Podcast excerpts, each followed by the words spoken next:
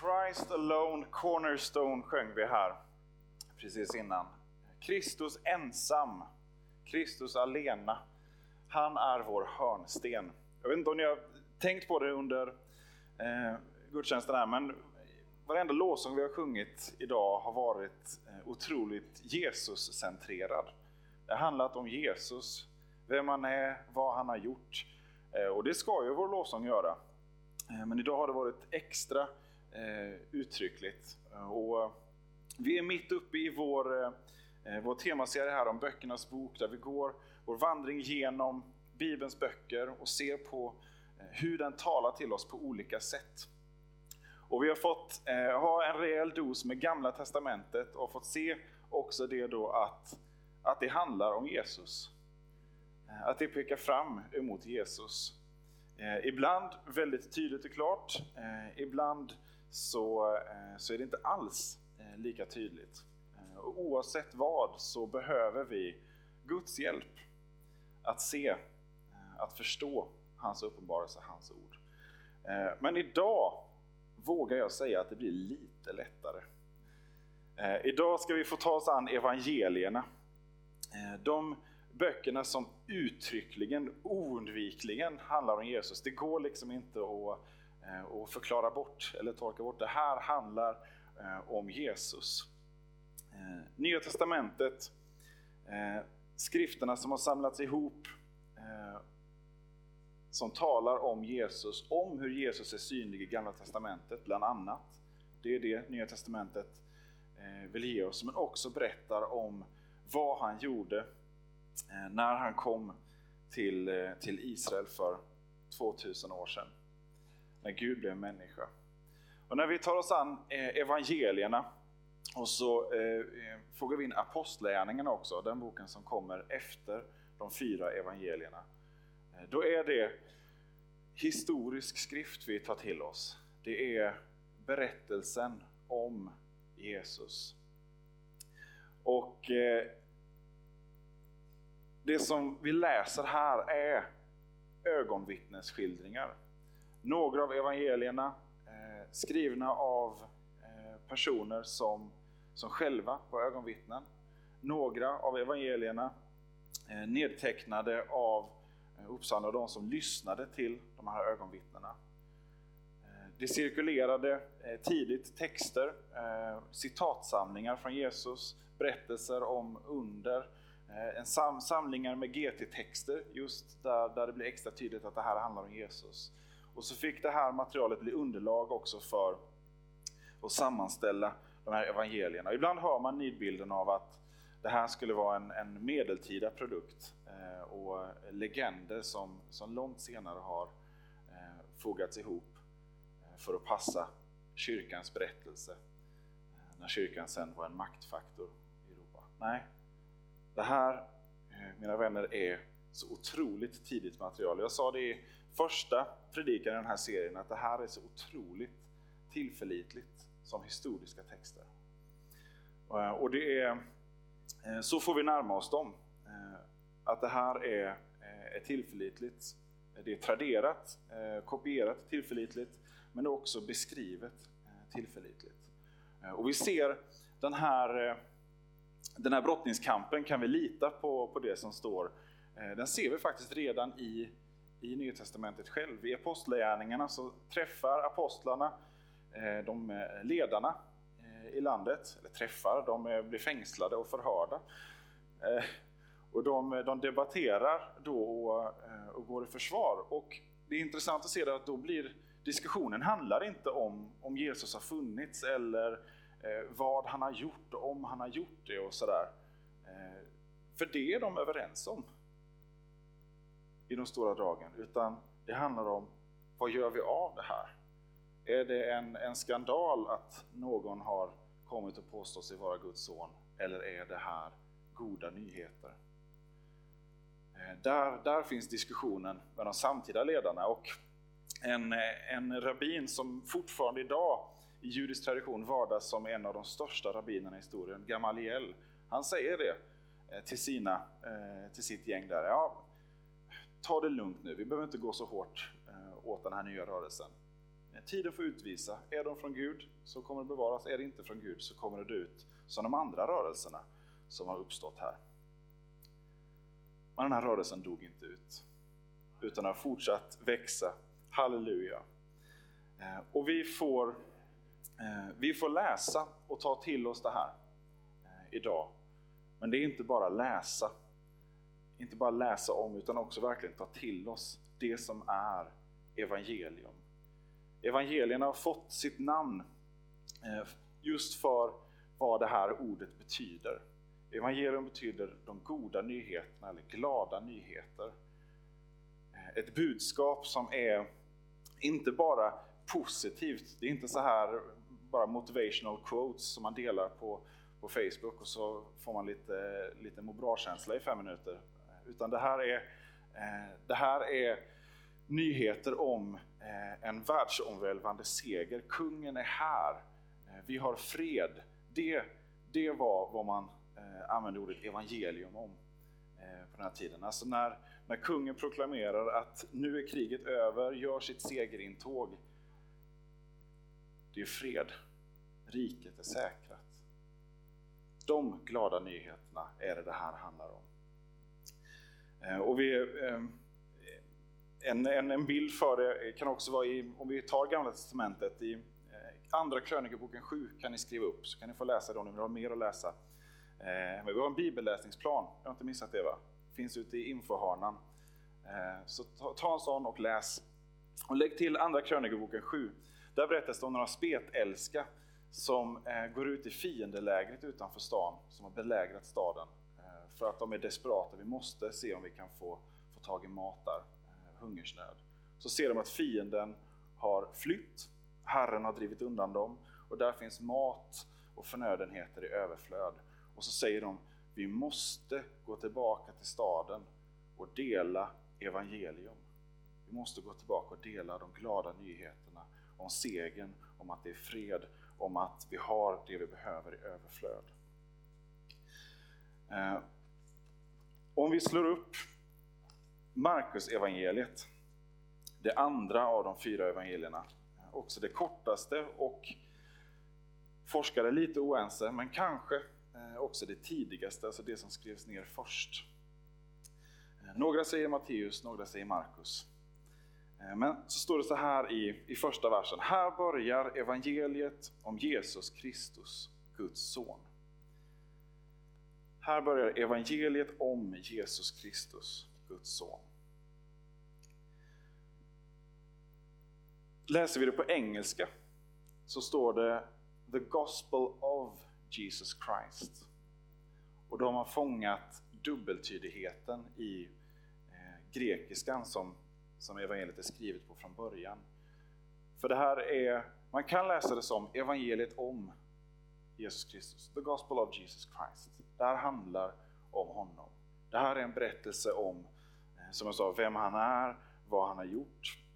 Eh, och tillsammans med apostlärningarna så, så berättar det om hela Jesu verk och efterdyningarna som det får med, eh, med de som följer honom. Det är goda nyheter om honom, om vad han har gjort för oss. Och Det som, som kommer till uttryck här i versen är är inte bara då en berättelse om någonting eh, i största allmänhet, goda nyheter i allmänhet, utan det är evangeliet om Jesus Kristus, Guds son. Bara de fyra orden, Jesus Kristus, Guds son, är sprängkraft. För här kommer vi åt just det som eh, skapade så mycket upprördhet som ledde till att inte bara Jesus fängslades och dödades utan också hans lärjungar det här påståendet. Att Jesus, som betyder Herre räddar, är Kristus, alltså Messias, den som texterna, skrifterna, i Gamla Testamentet lovar ska komma som en kung och rida in i segertåg. Han är Guds son.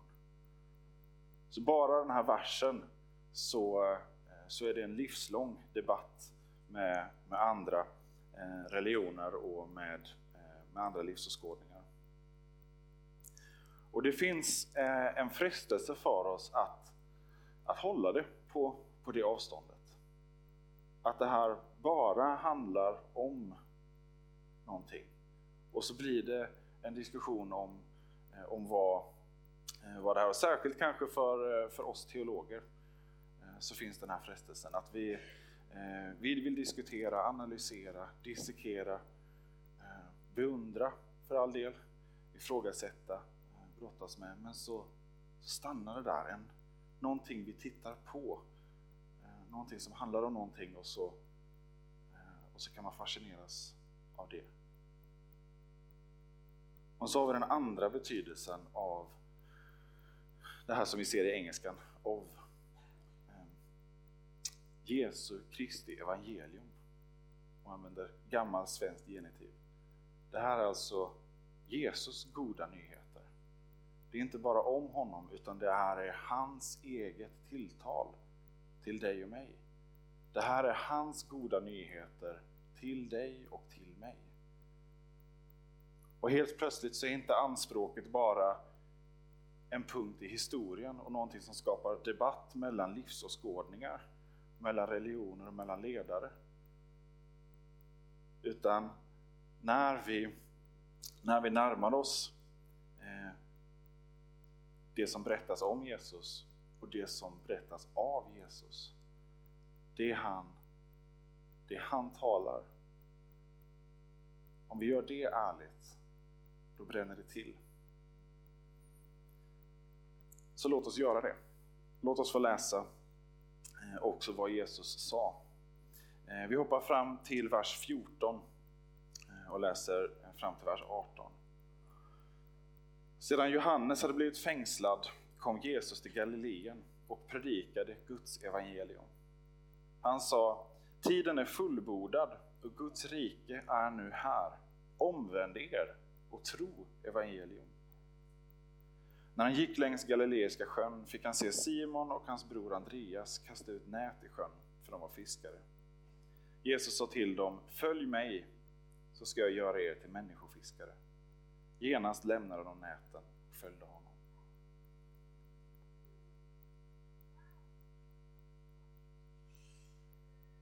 När vi möter Jesus, när vi eh, läser det som han säger, så möter vi inte bara eh, en historisk man eh, och eh, någonting som har uttalats en gång, utan vi möter det levande ordet själv. Livets ord. Det är så Jesus beskrivs genom Nya Testamentet. Han som gör skrifterna levande, han som uppfyller skrifterna. Och när Jesus talar så är det inte, då är det inte bara vanligt tal. Då är det inte bara eh, inspirerande peptalk. Det är inte bara visdom, en god lära. Han är inte bara en förebild, eh, en bra life coach.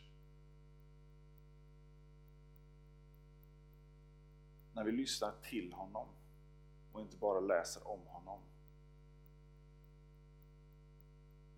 Då måste vi fråga oss, det han säger, spelar det någon roll? Vad är det han säger?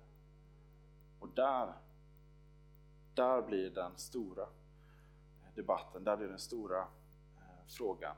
Stämmer det han säger?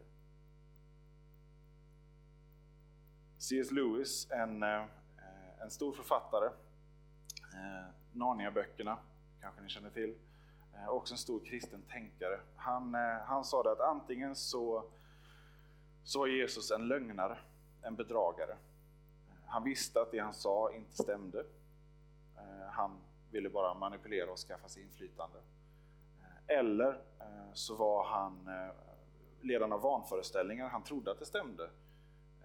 Men, men han hade tappat fästet helt. Eller så stämde det som han sa. Han visste att det var sant och det är sant. Det är de tre alternativen vi har att välja på. Och när vi läser evangelierna, när vi läser berättelsen om Jesus. Ha med den frågan. Är det här en lögnare, en, en manipulatör som talar och möter människor? som, kommer, som vi får syn på här? Eh, eller är det en, eh, en som, eh, som lider av en psykos eller eh, som har tappat greppet om, om verkligheten, saknar närvaron? Ingen av de här förklaringarna rimmar med den man som vi möter här. Kvar finns alternativet att det faktiskt är sant. Det var det C.S. Lewis själv landade i efter många års brottningskamp och utgångspunkt som övertygad ateist. Jesus säger Tiden är fullbordad, Guds rike är här. Omvänd er och tro evangeliet, tro på de här glada nyheterna. Guds rike är här, alltså Guds närvaro, eh, Guds gemenskap finns här och nu tillgänglig för oss. Den Gud som, som vi kommer ifrån, som har skapat oss, men som är främmande för oss på grund av vår synd. Det som skiljer oss från honom. Han har blivit människa, han finns nu här, mitt ibland er.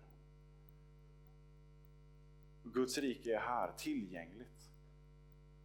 Hur då? Inte genom väpnad revolution.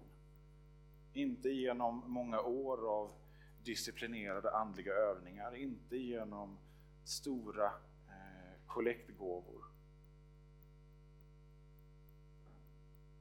Utan i mötet med Jesus själv. Bara det. Och i omvändelsen. Och när Jesus säger det här så, är det, så krockar det med föreställningarna, förväntningarna som fanns hos människor runt omkring. Och jag tror att det krockar för, för oss också i vår tid. Även om vi inte har förväntningar på en, en krigarmessias som kommer och eh, driver ut eh, romarna. Så har vi andra föreställningar om hur Gud eh, bör vara och, och bör möta oss. Eh, och ska, ska saker och ting ställas till rätta så, så är vi vana vid att det sker på ett visst sätt. Med, med våra mänskliga medel.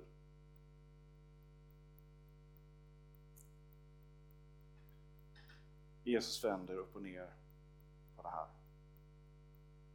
Han, eh, han gör det inte på vårt sätt, han gör det inte med vår time han gör det inte med våra förutsättningar. Utan det han säger är omvänd er. Alltså, lämna. Lämna det som eh, era egna strävanden, ert eget, lämna det. Se på mig och följ mig. Och han säger det till, eh, till Simon och Andreas. Vi vet inte om det är någon konversation som föregår det här eller om det bara är det här enda korta. Följ mig så ska jag göra dig till människofiskare. Genast lämnar de näten och följde honom. Det är omvändelse. Att i mötet med Jesus lyssna till vad han säger. Jag tror inte de förstod allt, men de anade. De anade att det här stämmer. Det här är sant. Den här mannen är bra för oss. Det han säger, det är bra för oss. Genast steg de upp, lämnade näten och följde honom. Omvänd er, tro på evangeliet, tro på, på det Jesus säger, tro på det här budskapet. Det är ändå en, en aktiv handling som Jesus uppmanar till. Att inte passivt ställa sig vid sidan konstatera att ja, men det, det ser ju trevligt ut, det här med kyrka. Gemenskap och fika det Jesus säger, det är sprängstoff. Det är, en, det är en tydlig agenda som man har. Antingen är det sant, eller så är det inte sant. Och är det sant så är det tilltal till dig och mig nu också. Att lämna allt och följa honom. Att omvända oss. För innan hela världen ställs till rätta, innan vi kan få se hur segertåget kommer in som eh, sopar mattan med romarna. Om man läst Asterix och Obelix så, eh, så har man ett visst agg emot romarna. Men om vi tar romarna som, som bilden för, eh, för den här världens ondska. Innan vi ser att, att Gud sopar mattan med det här så måste det först ske med oss. För vi är också romare, mina vänner. Vi har också ondskan. Fallenheten för det egoistiska, det onda. Innan hela världen ställs till rätta så måste han ställa våra hjärtan till rätta. Därför måste Guds rike först ta plats i våra hjärtan. En inbjudan till tro för var och en av oss. Att tro på Guds enfödde son.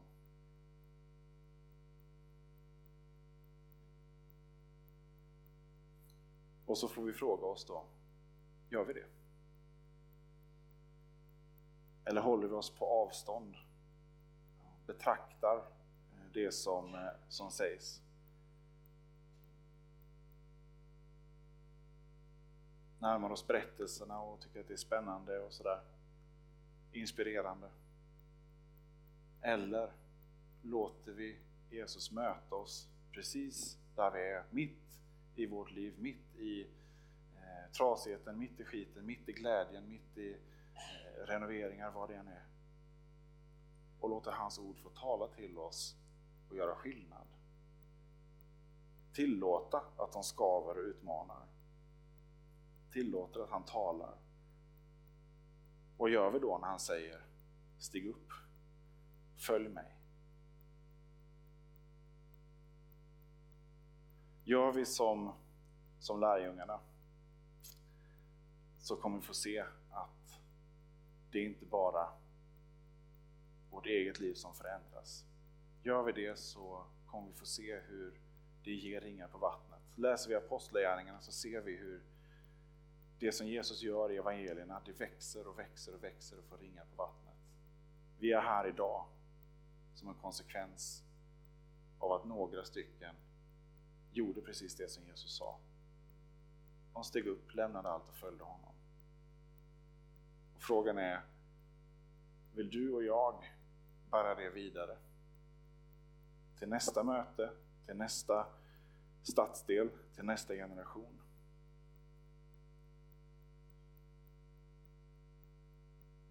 Då måste vi våga svara ja på den frågan. Vill du följa mig?